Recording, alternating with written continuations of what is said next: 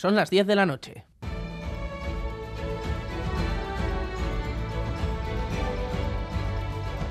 Radio Euskadi y Radio Vitoria. Servicios informativos. Repasamos los titulares del día con John Fernández Mur, Gabón. Gabón Gary, noticias de este viernes 9 de diciembre en el que comenzamos hablando de los presupuestos vascos.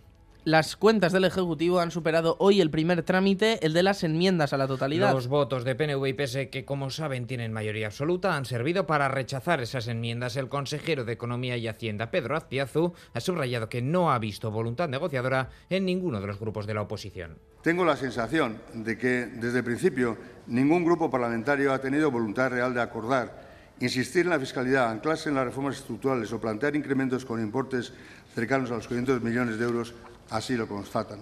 Eso sí, Azpiazu ha anunciado que aprobarán enmiendas parciales de la oposición por un valor de 30 millones. Los grupos de la oposición con diferentes argumentos, aunque también con puntos en común, no comparten los planteamientos del gobierno y consideran que es el Ejecutivo el que no ha querido llegar a acuerdos. Nerea Cortajarena, EH Bildu, Miren Gorrocha, Tegui Elkarrekin Podemos, IU, Carlos Iturgaiz, PP Ciudadanos. Egoera komplikatua da eta geriko ahuldadeekin eta ukazinak diren arazoekin heltzen diogu aro aldaketari eta herritarrak bere egunerokoan bizitzen ari dira hori. Las partidas y los fondos destinados a las políticas sociales son insuficientes y faltan a ese compromiso de no dejar a nadie atrás. Lo acreditado es su falta de sinceridad cuando se sientan a negociar, su falta de voluntad política para llegar a acuerdos de verdad en favor de los vascos.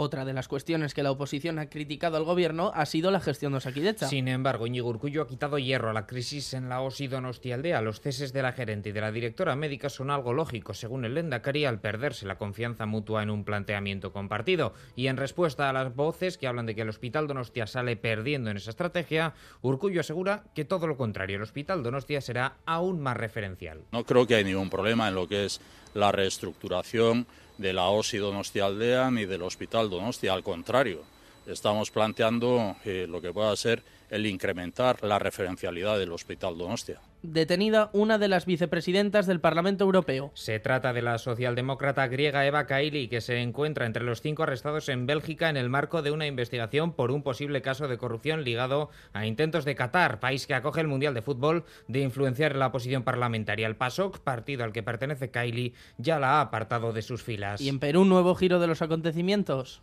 Efectivamente, uno de los abogados de Pedro Castillo asegura que el expresidente fue sedado antes de leer el comunicado en el que cerraba la Asamblea y anunciaba la formación de un gobierno de excepción. Cuando leyó el expresidente ese mensaje escrito por otros, unos minutos antes le dieron una bebida, una supuesta agua, y que después de beber el agua se sintió como atontado. Por eso es que leyó. Todo el mundo lo ha visto que estaba leyendo en forma temblorosa y yo hipotetizo más que además de tembloroso estaba un poco sedado. Mientras la presidenta Boluarte trata de formar un gobierno estable, pero sin cerrar la puerta a un anticipo electoral. Volviendo a casa, esta tarde ha sido atracada una sucursal bancaria en Algorta, en la localidad vizcaína de Guecho. Sí, en la sucursal de la calle Sarricobas, o seis trabajadores se vieron sorprendidos cuando dos individuos han irrumpido en las instalaciones. Los atracadores han logrado hacerse con una considerable cantidad de dinero que, según apuntan varias informaciones, podrían ser cerca de 100.000 euros. Cuando las patrullas de la Erzaincha llegaron al lugar, los ladrones ya se habían dado la fuga. Aún se les continúa buscando. RC propone una pena máxima de tres años de cárcel en los casos de malversación sin ánimo de lucro personal o terceros. Efectivamente, PSOE Unidas Podemos estudiarán esa enmienda, pero han dejado claro que hay una línea roja que no van a pasar. Beneficiar a los corruptos. Pachi López PSOE, Pablo Echenique Podemos. No vamos a apoyar ninguna propuesta que pueda suponer ningún beneficio a los procesados o condenados por corrupción. Si hay políticos corruptos en la Lezo, en la Kitchen, que se vayan a ver beneficiados, nosotros no podemos apoyar un planteamiento como ese. Los socios de gobierno pretenden crear un nuevo delito de enriquecimiento ilícito con penas de hasta tres años de cárcel para cargos públicos que no puedan justificar un incremento de su patrimonio mayor a 250.000 euros. Y una punta en carreteras, el Departamento Vasco de Seguridad pide especial precaución en la A8 en Aldacao sentido Bilbao, un vehículo que ha volcado ocupa el carril derecho. Así terminamos, más noticias en una hora y en todo momento en itv.eus.